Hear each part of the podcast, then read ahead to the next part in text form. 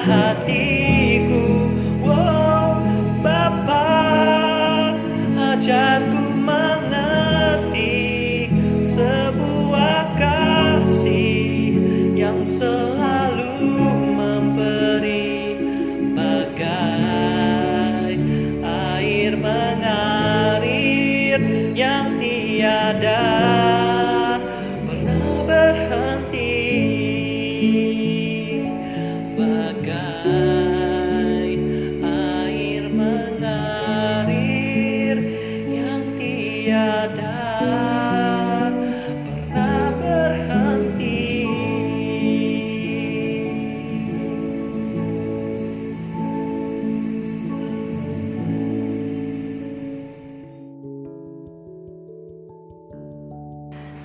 Selamat malam teman-teman pemuda yang dikasih oleh Tuhan. Apa kabarnya? Sudah hampir lebih dari tiga bulan kita tidak berkumpul beribadah di gereja dan kita senantiasa beribadah secara online. Tapi ah, esensinya sama yaitu firman Tuhanlah yang menolong kita bertumbuh dan berbuah. Pada malam hari ini kita akan bersama-sama membahas satu tema yang diberikan kepada saya yaitu materialisme dan hedonisme. Apa sih materialisme dan hedonisme ini? Nah, sebelum kita berbicara tentang kedua hal ini, mari kita bersama-sama berdoa terlebih dahulu. Bapak di surga, kami datang kepadamu, kami bersyukur pada malam hari ini di dalam persekutuan pemuda Philadelphia Geser Singkawang sekalipun uh, melalui live streaming tapi tidak mengurangi semangat kami untuk cinta kepada firman Tuhan. Karena firman Tuhanlah yang menjadi makanan rohani kami yang membuat kami bertumbuh semakin mengenal Tuhan. Kami serahkan waktu pemberitaan firman ke dalam tanganmu ya Bapa. Hanya di dalam nama Tuhan Yesus kami berdoa. Amin. Teman-teman, ah kalau kita bicara tentang materialisme dan hedonisme, ini seperti saudara kembar. Nah, kenapa saya bicara um, mengatakan ini seperti saudara kembar? Nanti saya akan bahas, nanti teman-teman akan melihat ternyata materialisme dan hedonisme ini memang kayak saudara kembar ya.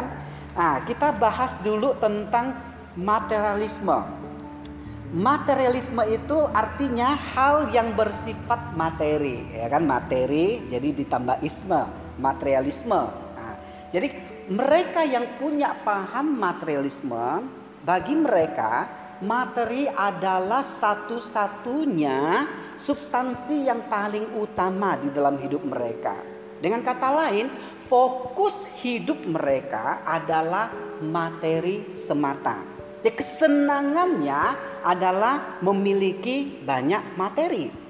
Tujuan hidup mereka juga adalah materi. Nah, contoh materi ya money, uang, nah, ya money. Benda-benda berharga, barang-barang berharga, entah itu bangunan, mobil, barang-barang yang mereka miliki itu bersifat materi. Jadi materialisme sebenarnya mereka tidak percaya kepada hal yang non material.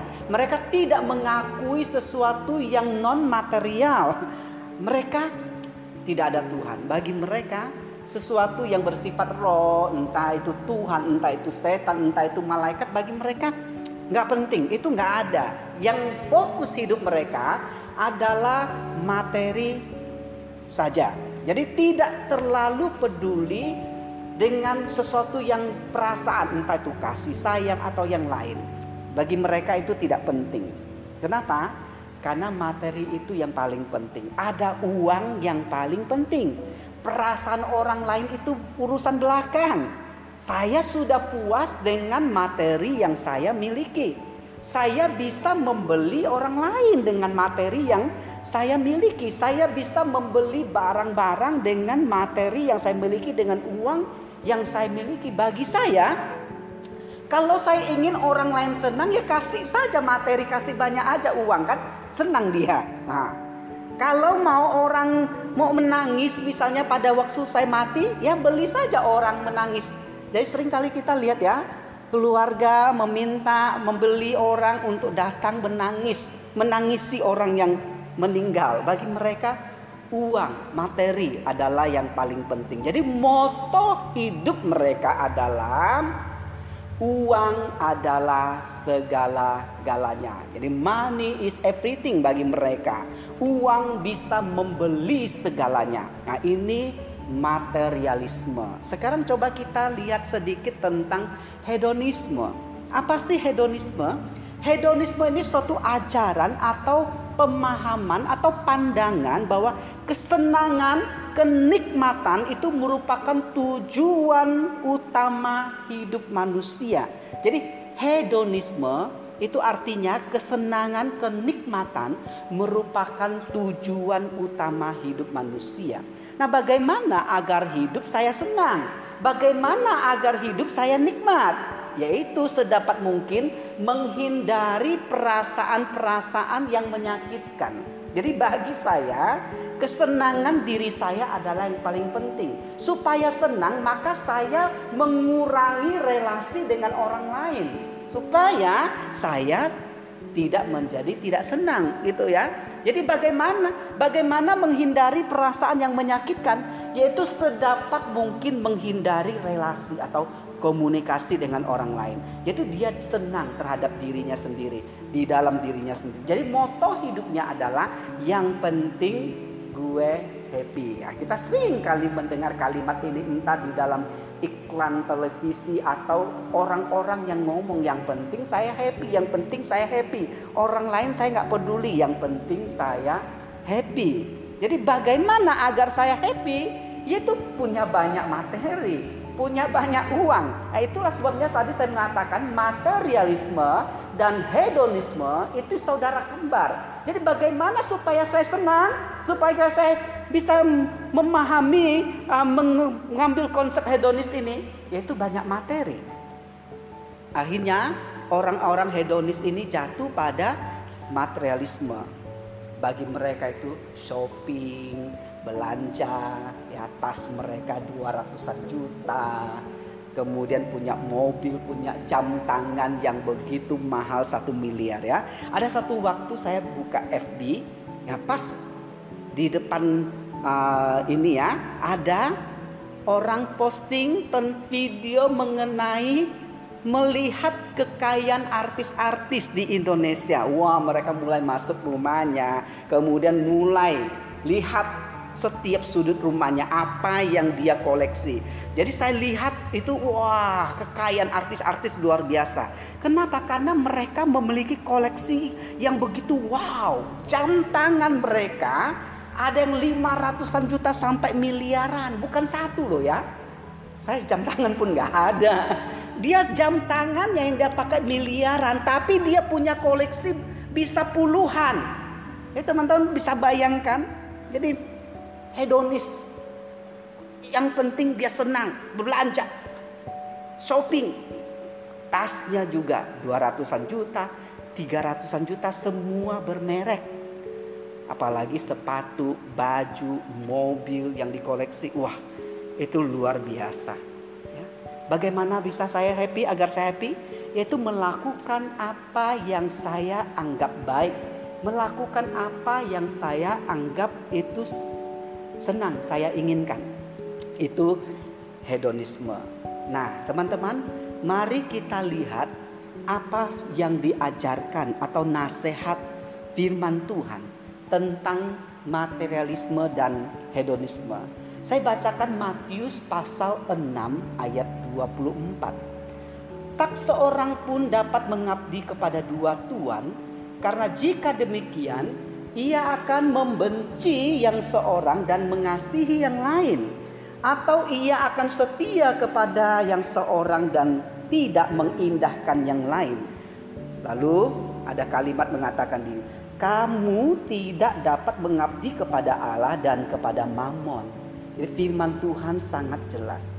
Ya kalau kita mengatakan kita memiliki Tuhan, tapi tujuan hidup utama kita adalah materi, itu sama dengan bohong. Ya nol besar. Jadi tidak mungkin tujuan hidup kita Tuhan, juga tujuan hidup kita materi. Jadi nggak bisa, kita nggak bisa dua tuan.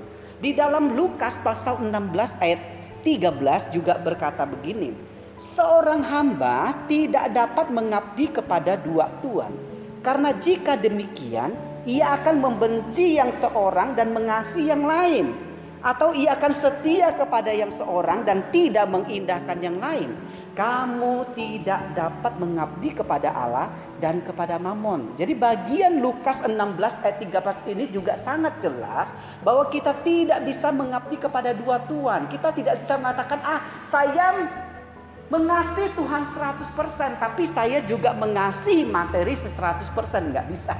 Ya, anda pasti akan 50%, 50% atau yang satu 90% atau yang satu menjadi 10%. Jadi pasti tidak bisa 100% dua-duanya. Itulah sebenarnya Alkitab menasihatkan bahwa kita tidak bisa mengabdi kepada dua tuan. Kemudian satu ayat lagi yaitu 1 Timotius pasal 6 ayat 10. Ini sangat bagus sekali ayat ini. 1 Timotius pasal 6 ayat 10 berbunyi demikian. Karena akar segala kejahatan ialah cinta uang akar segala kejahatan ialah cinta uang, cinta materi. Sebab oleh memburu uanglah beberapa orang telah menyimpang dari iman dan menyiksa dirinya dengan berbagai-bagai duka. Jadi teman-teman perhatikan di situ ada satu kata yang luar biasa ya, yaitu kata memburu. Nah, pernah pergi berburu ke hutan? Misalnya berburu tembak monyet atau tupai. Nah, biasanya orang yang berburu seperti seorang pemburu yang mengejar buruannya, mereka mengejarnya begitu semangat, sepertinya tidak kenal lelah dari hutan ke hutan mereka kejar buruannya. Tidak kenal takut sekalipun di dalam hutan rimba kan? Mereka nggak kenal takut. Dan mereka tidak kenal belas kasihan. Yang penting tembak yang penting buruan saya dapat. Jadi Alkitab mengatakan cinta uang adalah akar segala kejahatan. Kenapa? Karena orang yang ingin memburunya. Jadi hari ini kita melihat dunia saat ini di mana kita tinggal orang memburu apa? Yaitu materi. Memburu uang jadi memburu tanpa kenal lelah tanpa kenal takut dan melakukan apa saja yang penting mereka mengejar materi itu. Jadi firman Tuhan mengingatkan kita bahwa kita tidak boleh mengabdi kepada Tuhan. Kalau kita mengatakan kepada cinta kepada Tuhan, maka kita tidak bisa menjadi orang yang materialisme dan hedonisme. Sebenarnya teman-teman tidak ada salahnya dengan materi, nggak ada. Karena Allah juga yang menciptakan materi itu. Allah menciptakan langit dan bumi ini serta segala isinya semua berbentuk materi. Ya, semua bahan bakunya ada. Di dalamnya ada emas, ada minyak, ada batu, ada besi dan segala macam materi sudah Allah siapkan. Jadi sebenarnya materi itu tidak ada salahnya. Tidak ada karena Allah menciptakannya. Lalu apa yang salah? Yang salah adalah manusia menjadikan materi itu sebagai pusat atau tujuan hidupnya. Jadi salah arah. Sebenarnya tujuan pusat hidup kita adalah Tuhan yang menciptakan materi.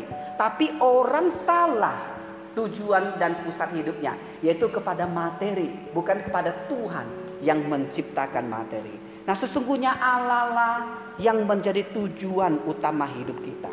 Allah adalah kesenangan kita, kenikmatan kita selamanya. Kenapa? Karena semua materi, kesenangan, kenikmatan yang kita nikmati di dunia ini semuanya hanya bersifat sementara, tidak ada yang kekal. Hanya keselamatan yang Allah berikan kepada kita di dalam Yesus Kristus itu yang bersifat kekal. Nah, teman-teman, marilah kita mulai melihat tujuan hidup kita. Apa sih yang menjadi tujuan hidup kita yang paling utama di dalam dunia ini? Apakah selama ini yang kita kejar? Apakah semata-mata yang kita kejar adalah materi, kepuasan diri, kesenangan diri, kenikmatan diri sendiri yang kita kejar? Atau kita belajar mengenal Tuhan yang menjadi tujuan, pusat hidup kita. Nah biarlah firman Tuhan boleh menolong kita pada malam hari ini dan kita masing-masing juga mengevaluasi apa yang menjadi tujuan utama di dalam hidup saya. Mari kita berdoa.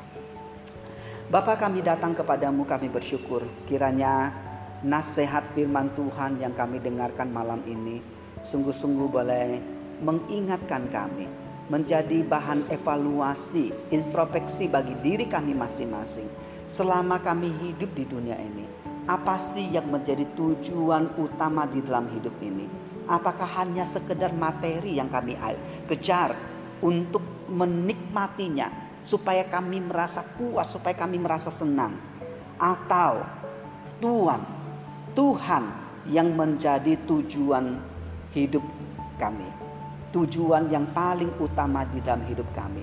Karena kami menyadari Jikalau kami memiliki Tuhan, maka sesungguhnya kami memiliki segala-galanya. Kami sungguh bersyukur berkati pemuda-pemudi GSR Singkawang di mana pun mereka berada. Di tengah-tengah pandemi ini, mereka tetap cinta Tuhan, mengasihi Tuhan, tetap berfokus kepada Tuhan. Hanya di dalam nama Tuhan Yesus kami berdoa. Amin.